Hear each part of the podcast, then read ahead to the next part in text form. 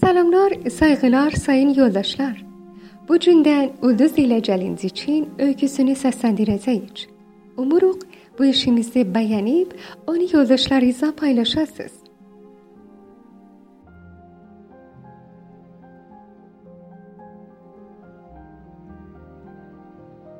Ulduz ilə danışan gəlincik. Bütün dünyadakı qalınca toxuyan uşaqlara. Danışan gəlincikdən bir neçə söz. Salam uşaqlar.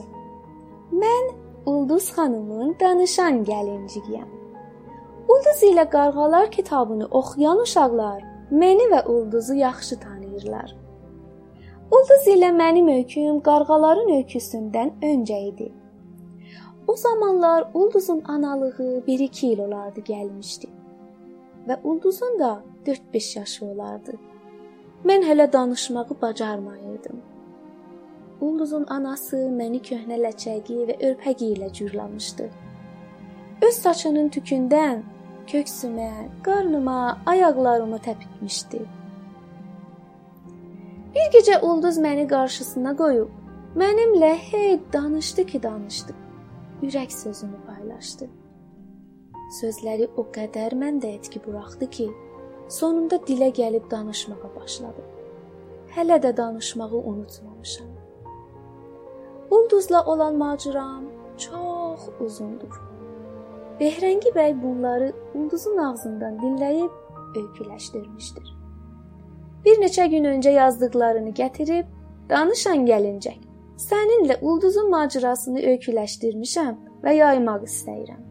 Sən də bir ön söz yazsan yaxşı olar dedi. Behrəngi bəyin öyküsünü başından sonuna qədər oxudu.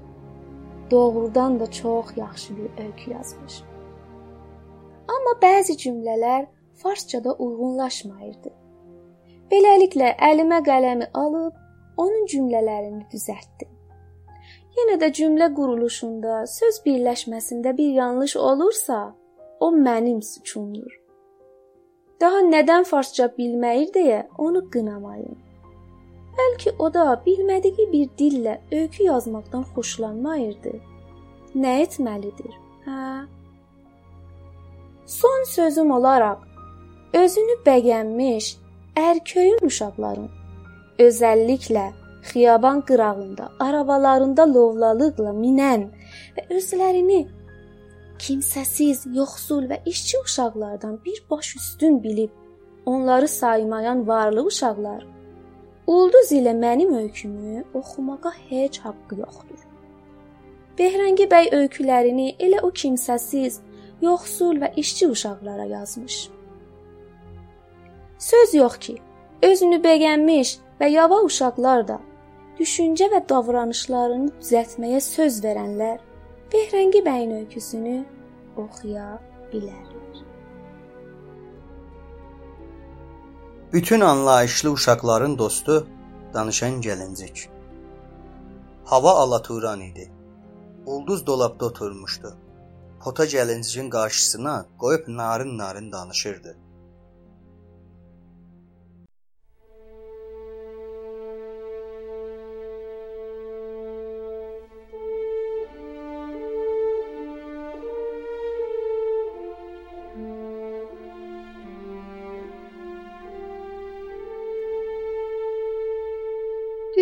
İstəsən, Potek gəlincik, dünyada yalnız sən varımsan. Anamı deyirsən, heç mənim yadıma gəlmir.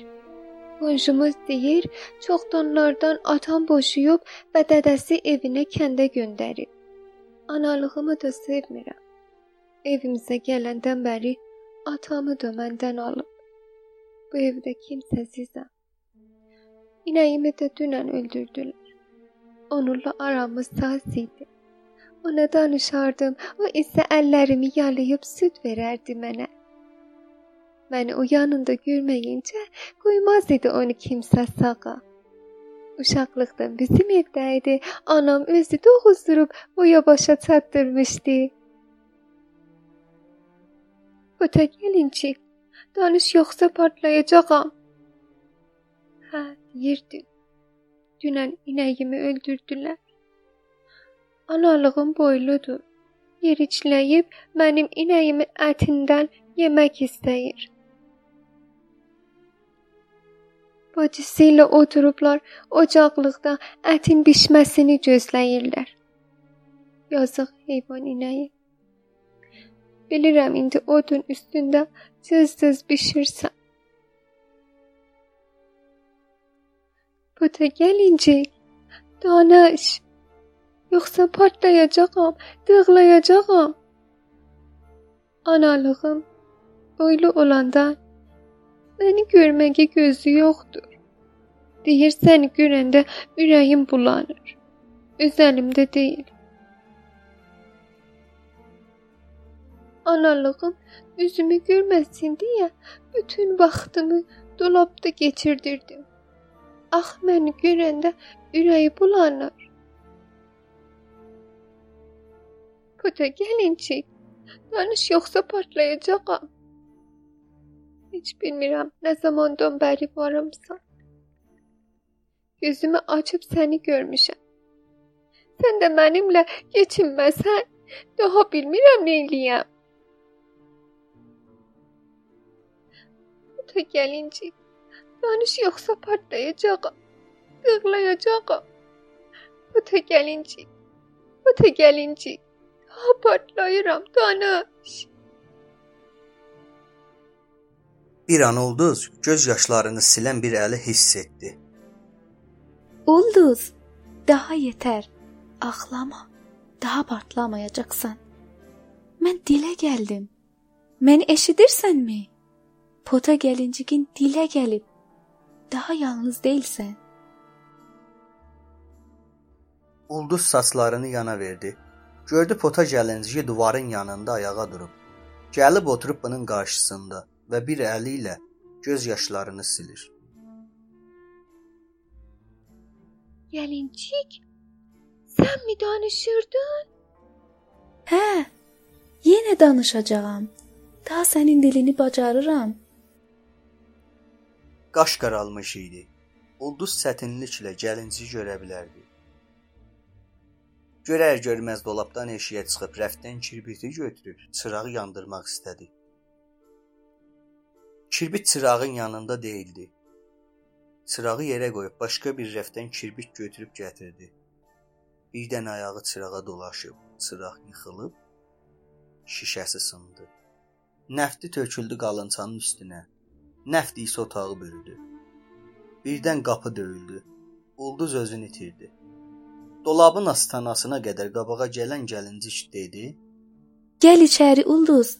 Yaxşısı budur. Heç özünə almayıb, deyəsən dolabdan eşqə çıxmayıbsan."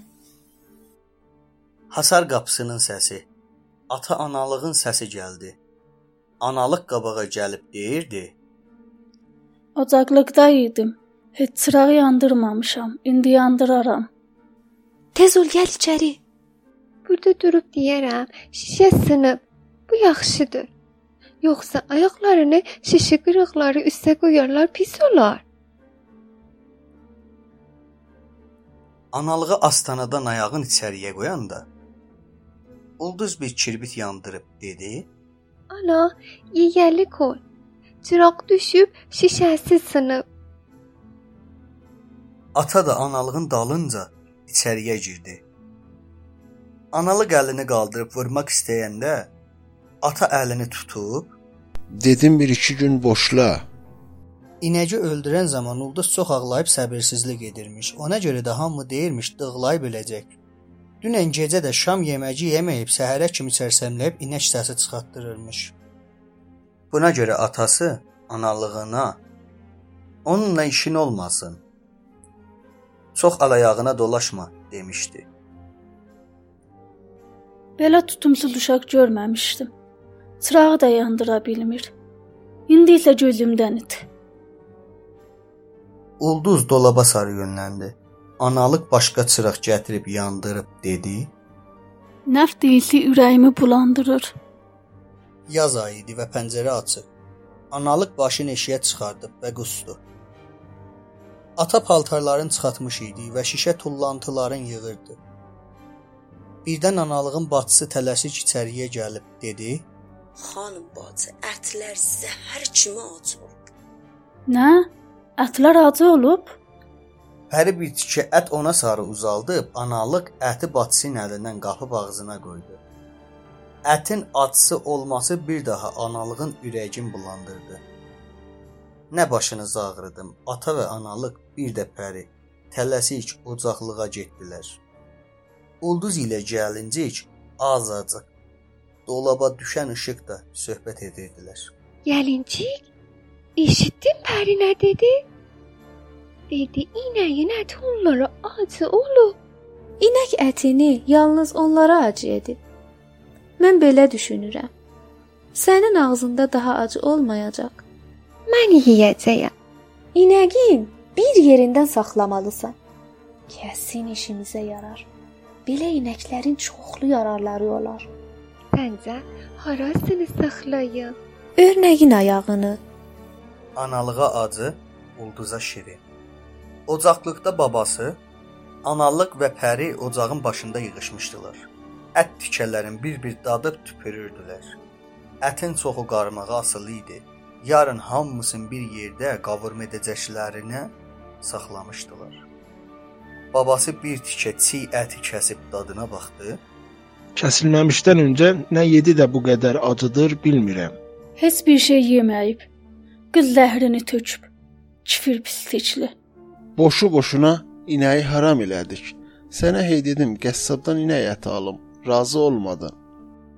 Olsun, inəş cəhənnəm. Mən özüm əlaqədən düşürəm. Bu iyrənciyi halıma qatır. Pəri qolunu tutdu. Gəl eşiyə çıxaq, dedi. Analıq Pərinin qoluna söykənərək səkkinin qırağında oturub dedi. Bulduzu çağır. Bu ətləri Gülsüm gilə aparsın. Leş iyi evi doldurub. Külsüm sol yanındakı qonşuları idi. Əri Tehranda çalışırdı. Kərpic bişirmə işçisi idi. Oxula gedən Yaşar adıyla bir oğlu da var idi. Özü daha çox paltar yumağa gedərdi. Pəri otağa sarı qaçıb səsləndi. O sırada ulduz gəlincicə Yaşarı anlatırdı ki, Pəri sözünü kəsdi. Ulduz, Ulduz anan çağırır. Yaşar gilə gedirsən. O sırada ulduz gəlinciyə Yaşarı anlatırdı ki, Pəri sözünü kəsdi. İstərsən mənim danışığımı Yaşara de. Hə, deməliyəm. Sonra həyətə çıxdı. Küçə başındakı tir çırağının işığı həyəti biraz aydınlatırdı. Analıq oturmuşdu. Uyuyub qusurdu. Babası qablamanı gətirib tut ağacın altına qoymuşdu. Avucu analığın alnında idi. Pəri ulduza dedi: Qablamanı apar ver Gülsümə. Oturub o gədə ilə deyini bəncə vermə ha. Tez qayıt. Ana, sən özün nədən ət yemək yeyirsən? Burnuna pambıq mı tıxıbsan? Bu leşi bilməyirsən. Götür apar. Xanım bacı, bu inək diri içəndə əti acı idi. Soysuz heyvanın biri idi. Babası bir şey demədi. Dönüb ulduza baxanda ulduzun qablamadan ət tikələrin götürüb şirin-şirin çeynəyib utduğunu gördü. Birdən qışqırdı. Qız, yemə bunları xəstələnərsən. Hamısı babasının səsindən dönüb ulduza baxaraq yerlərində donub qaldılar. Qızım, yemə dedim. Tüpür yerə. Baba, bu dadlıqda əti nədən yeməyim? Vah, vah. Leş yeyənlər kimi əlinə gələni yeyir. Adam deyil ki. Hmm, indiyədək belə dadlı ət yeməmişdim. Analıq irgəndi. Pəri öz gözünü turşudu. Babası mat qalmış idi. Bəh bəh. Nə gözəl isi var. Toyuq əti. Nəhərə yağının dadını verir ana. Əl üzünü yuyan analıq qalxıb otağa getdi. Partlayınca ye. İç salatın tökülsün. Mənə nə?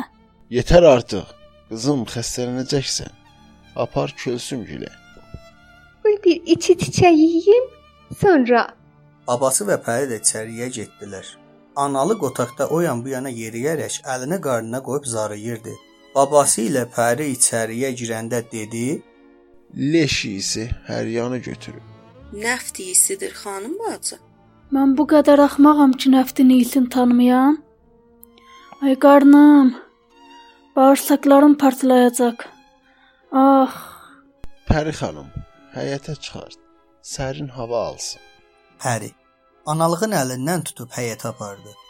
Ulduz hələ də o tut ağacının altında oturub şirin-şirin iştəhalı ət yeyirdi. Bəhbəh deyib barmaqların yalayırdı. Analıq qışqıraraq ay qodu. Acığımı çıxartma dedim. Bu leşi evdən eşiyə çıxart dedim. Ana, ləşi verən hansısıydı? analıq qablamaya bir təpik vurub çığırdı. Bu qotur inəyin ətini deyirəm. Bir duda. Apar eşiyə. Ürəyim ağlıma gələcək. Ana, qoy bir neçə tikə də yeyim. Acıqmışam. Mənimlə inad edirsən? İt balası. Babası səslərini eşidincə pəncərədən eşiyə əyilib soruşdu. Yenə nə xəbərdir? Sən yalnız gücün mən benavaya çatır. Hey bu sıskay ilə işin olmasın deyirsən. Gör necə mənimlə inadlaşır. Ulduz qablamanı götürüb eşik qapısına sarı getdi. Qapı arxasında qablamanı yerə qoydu və qapı halqasını tutdu. Bir ayağın qapıya söykəyib, özünü yuxarı çəkərək qapı açıb aşağı düşdü. Sonra qablamanı alıb eşiyə çıxdı.